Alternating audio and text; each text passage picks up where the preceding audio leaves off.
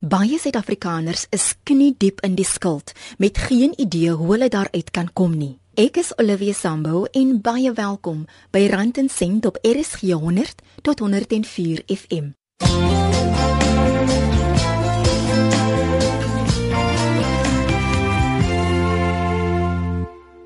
Suid-Afrikaners is vasgevang in 'n skuldnagmerrie weens skuld wat hulle nie meer kan betaal nie.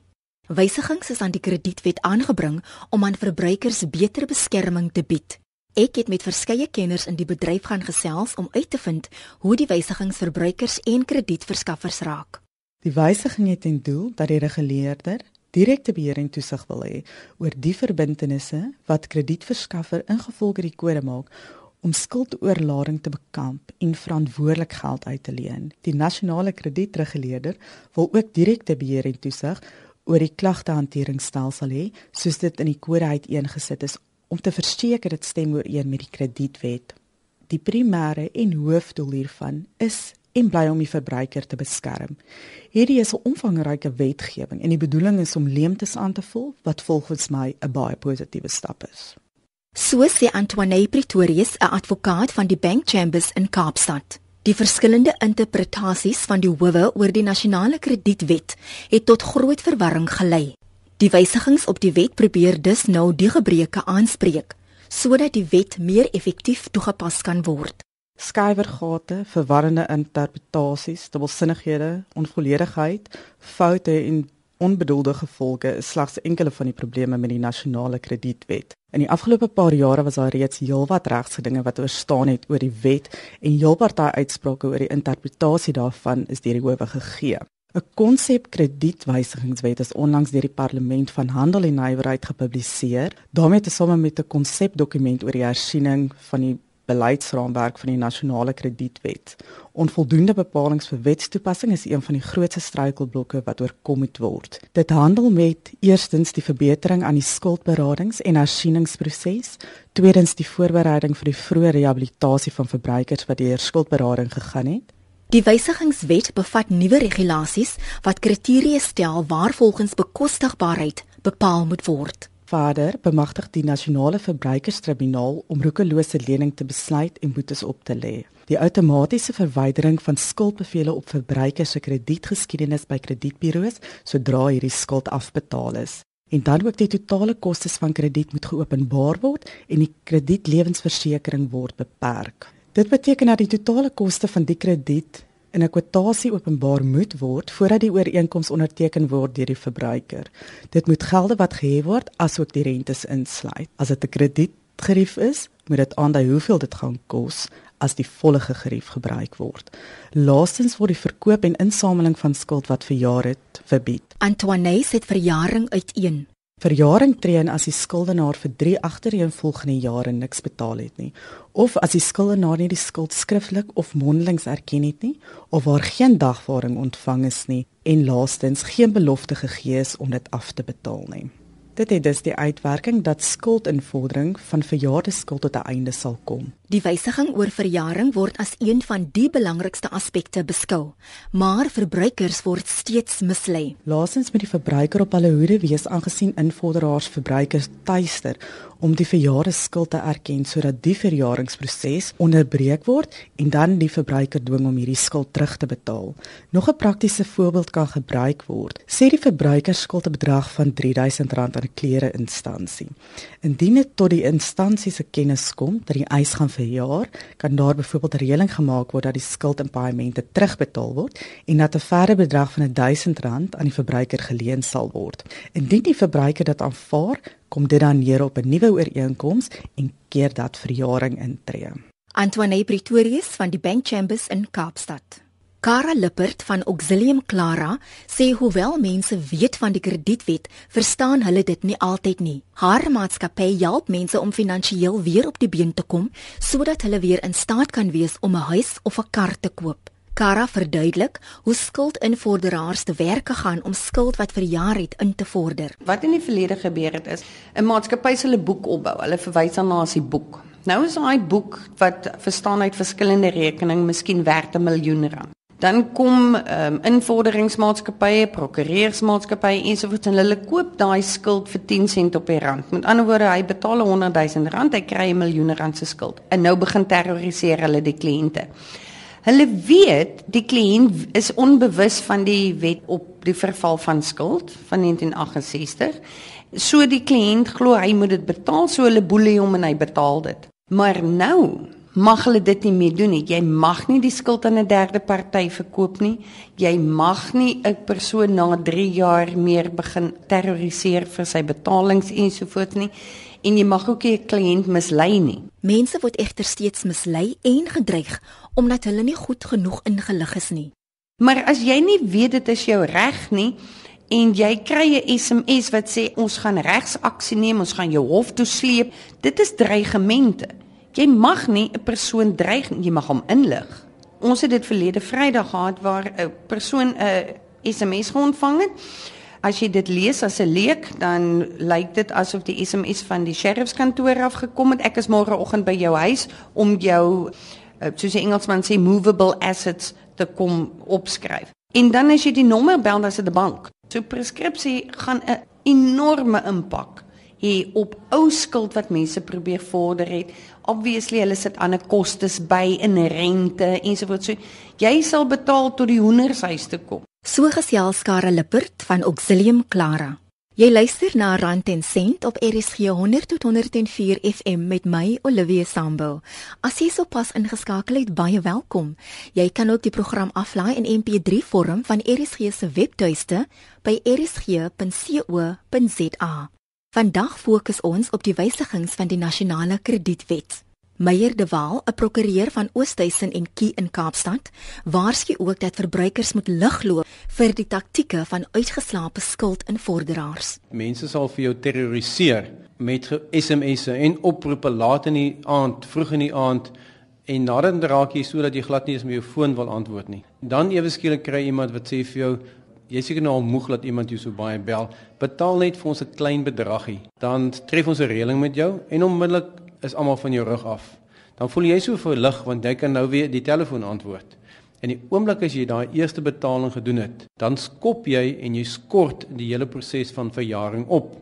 En daai volle skuld wat uitstaande is, wat eintlik al reeds verjaar het, kom dan weer terug op die boeke en nou begin jy weer van voor af daardie skuld aanspreeklik voor wees. So dit is 'n geweldige gevaarlike ding om 'n betaling te begin doen wat jy al vergeet het eintlik van of jy gehoop het almal het vergeet van om dan weer daardie betaling te doen. Dit dan Meyer de Waal van Oosthuizen en Kie in Kaapstad. Jacobus Eksteen, 'n kredietanalis van CompuScan in Stellenbosch, verduidelik hoe die wysigings van die nasionale kredietwet tot voordeel van verbruikers kan strek. Op die 13de Maart 2015 het die Departement van Handel en Nywerheid die nasionale kredietwet regulasies gepubliseer. En hierdie regulasies, tesame met die kredietwysigingswet van 6 maande terug, is toe beide van krag op die 13de Maart. Dit is gedoen om te voorkom dat verbruikers nie krediet verkry waarvoor hulle nie kan betaal nie en sodoende in 'n oneindige skuldsiklus val. Tweedens is dit gedoen om toegang tot krediet te bevorder en derdens is dit gedoen om mense die insentief te gee om rekeninge wat agterstallig is en 'n slegte verwysing het terug te betaal sodat daai slegte verwysing van die kredietburo verwyder kan word en sodat hulle dan nuwe krediet kan kry waarvoor hulle sal kwalifiseer gebaseer op bekostigbaarheid. Maar wat is 'n slegte verwysing? 'n Adverse verwys eintlik na iets soos 'n rekening wat oorhandig is, 'n rekening wat afgeskryf is, rekeninge waar die kredietfasiliteit gestop is of rekeninge waar bates teruggevat is. Dit sal ook nou vir kredietverskaffers moeiliker wees om 'n slegte verwysing op jou rekord te plaas. Want jy gaan eers 3 betalings na mekaar moet mis en dan gaan die kredietverskaffer vir jou 20 dae kennis moet gee en dan mag hulle jou eers lys as 'n slegte betaler by die kredietburo. So dit is definitief goed dat jy meer tyd om jou rekening terug te betaal voordat daai slegte implikasies gebeur. Nog 'n implikasie is dat as jy werk soek, net as die werk eerlikheid behels of vir 'n finansiële posisie is, mag iemand by 'n kredietburo jou kredietrekord trek, want andersins is dit nie relevant nie. Slegte verwysings kan ook na gouer verwyder word by kredietburo's. Die retensieperiode, so met ander woorde die periode hoe lank die bureau dit mag hou, is verkort van 2 jaar na 1 jaar. So as jy dit terugbetaal het, word dit dadelik verwyder. As jy dit nog nie terugbetaal het nie, dan mag jy die bureau vir 'n maksimum periode van 1 jaar hou. Dan die feit dat jy navrae gedoen het. Dit mag nie meer 2 jaar gehou word nie, dit mag nou net 1 jaar gehou word. As jy 'n administrasiebevel op jou naam het, mag dit nie meer vir 10 jaar gehou word nie, maar net vir 5 jaar. Die administratiewe las op verbruikers word egter nou verhoog omdat die verbruikers bewys gaan moet gee van hulle inkomste en hulle uitgawes om seker te maak hulle kan nuwe krediet bekostig.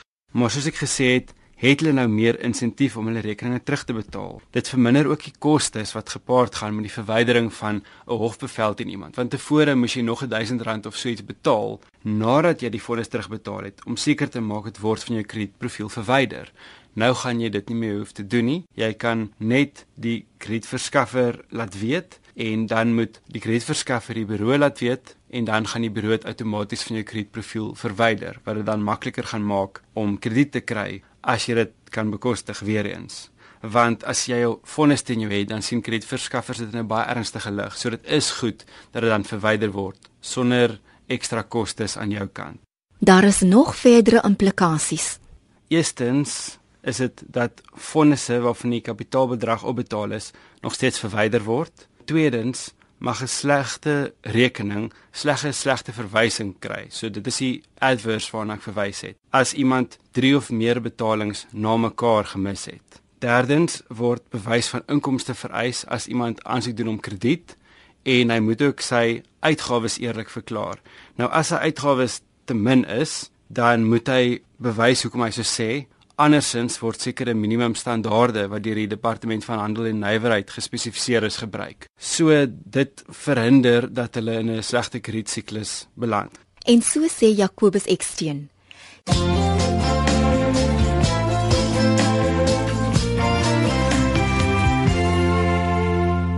Ons gesels vandag oor die wysigings op die nasionale kredietwet. Ons praat nou verder met Jacobus Eksteen. Hy verduidelik hoe die nuwe regulasies 'n groter administratiewe las op die kredietverskaffer plaas.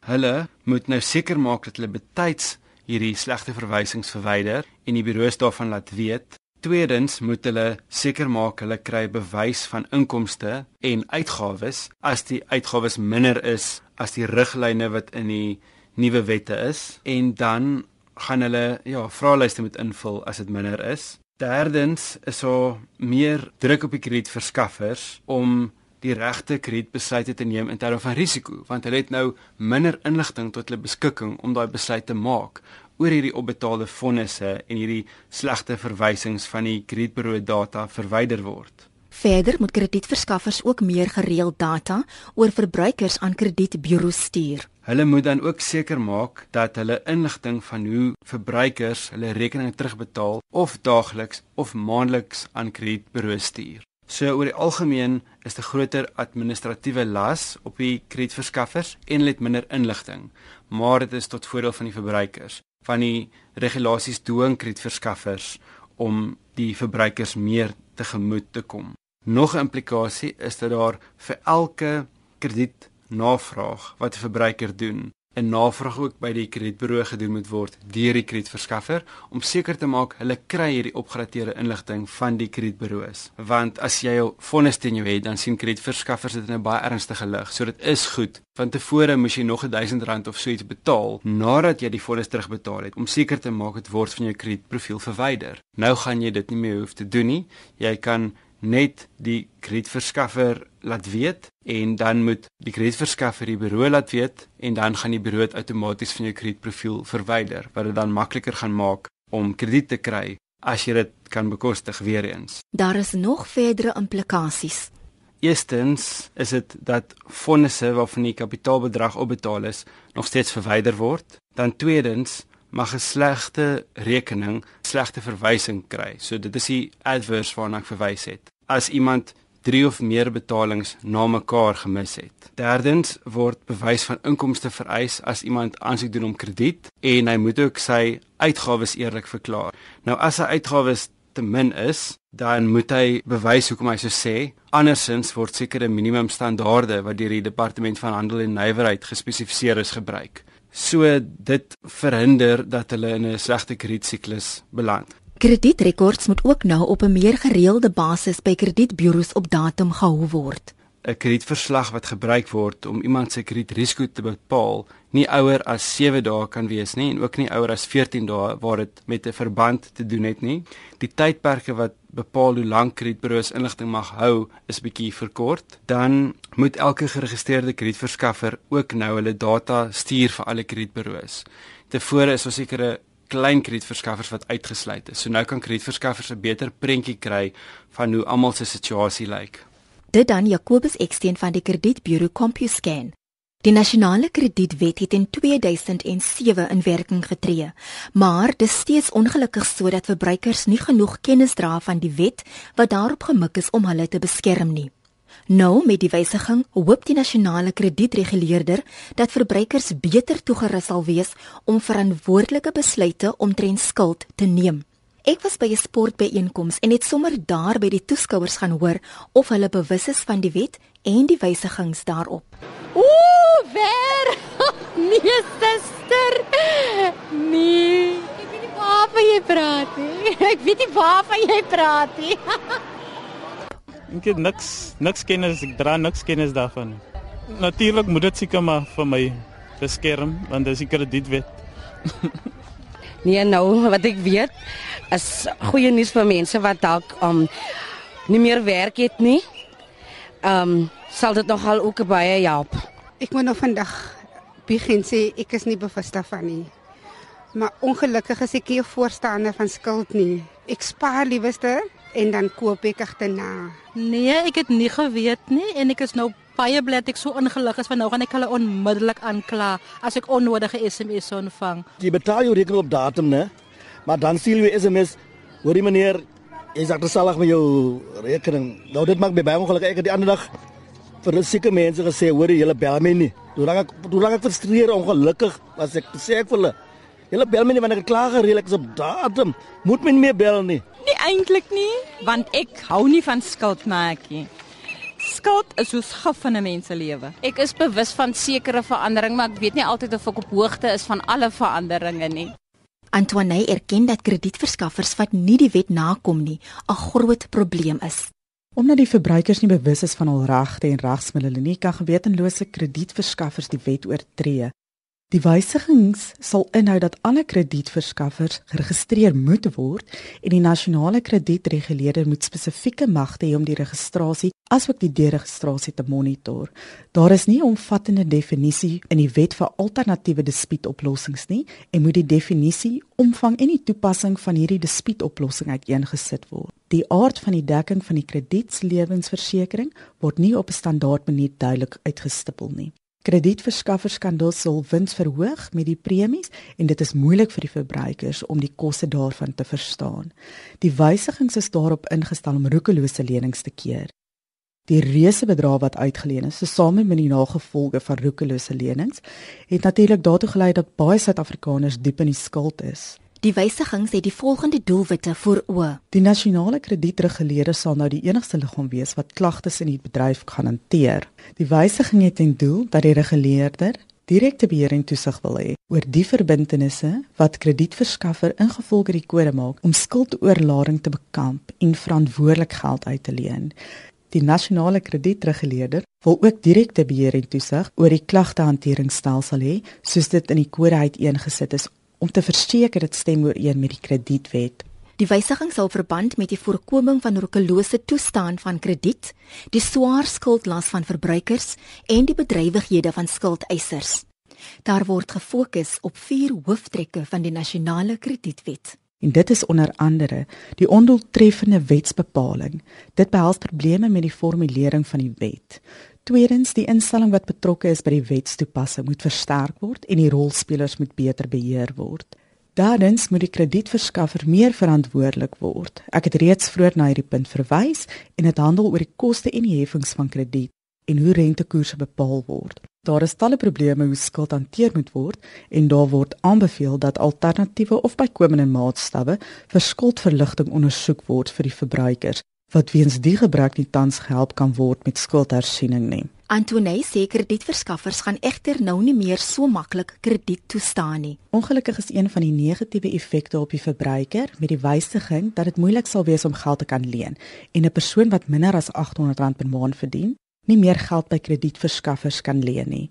As 'n mens dus kyk na die rekord van verbruikers wat onmiddellik skoongemaak moet word, sal dit die gevolg hê dat minder krediet deur kredietverskaffers toegestaan sal word, aangesien hulle weens gebrek aan inligting nie 'n behoorlike besluit kan neem nie. Verbruikers wat geld leen om aan ander skuld af te betaal, sal nou sukkel aangesien hulle na kleiner kredietverskaffers met hoë rentekoerse moet gaan as die banke nie meer aan hulle geld wil leen nie. Kredietverskaffers het ook nou 'n groter verantwoordelikheid teenoor verbruikers. Eerstens die roekelose toestand van lenings. Tweedens moet daar gekyk word na die openbaarmaking van die volle koste van krediet aan die verskaffer. Derdens moet daar verwys na die heffings van krediet en ander dienste, verder na hoë rentekoerse wat bepaal moet word en laasens die krediet lewensversekering en al die probleme wat daarmee verband hou. Tans word sekere kredietverskaffers vrygestel van wetsnakome op grond van die waarde van die lenings en die getal lenings wat toegestaan word. Die oplossing hiervoor is dat alle kredietverskaffers geregistreer moet word en dan sal vrystellings van verslagdoening en nakoming aan sekeres verleen word. Die nasionale kredietreguleerder moet spesifieke magte hê om registrasie en deregistrasie te monitor. Jy luister na Rand en Sent met my Olivia Sambo op RSG 100 tot 104 FM. As jy met my wil kontak maak per e-pos, stuur dit gerus na olivia.sambo@gmail.com. En jy kan natuurlik ook 'n SMS stuur na ons ateljeelyn by 3343. Kredietverskaffers moet ook nou verseker dat verbruikers presies weet wat die ooreenkoms behels. Die inhoud en terme van kontrakte moet op 'n verstaanbare manier aan kliënte verduidelik word, sodat hulle 'n verantwoordelike en ingeligte besluit kan neem voordat hulle teken. Daar moet geen versteekte kostes wees wat dit vir die kliënt moeilik sal maak om die skuld te vereffen nie. Die kredietverskaffer moet verder verseker dat die volle koste van krediet voor die ooreenkoms uiteengesit word. Dit moet in verstaanbare taal in die kontrak staan en die kredietverskaffer moet seker maak dat die verbruiker behoorlik ingelig word oor presies wat sy volle maandelikse paaiement sal wees. Die rede hiervoor is dat die koste van die krediet so uiteengesit word dat verbruikers dit nie altyd verstaan nie. Nog 'n punt is waar sake voorheen ondersoek was deur die gewone howe rakende roekelose lenings, het die nasionale kredietreguleerder nou die mag om ondersoek na roekelose lenings te doen. Die wetgewing gee aan die nasionale kredietreguleerder nou magte om reaktief asook proaktief aantuigings van roekelose lenings te ondersoek. En so sê Antoine Pretorius, 'n advokaat van die Bank Chambers in Kaapstad. Dis nou tyd om te groet. Dankie dat jy ingeskakel het op Rand en Sent. Ek is Olivia Sambo en groet tot volgende Sondag om 5uur. Bly gerus ingeskakel op RSG 100 tot 104 FM.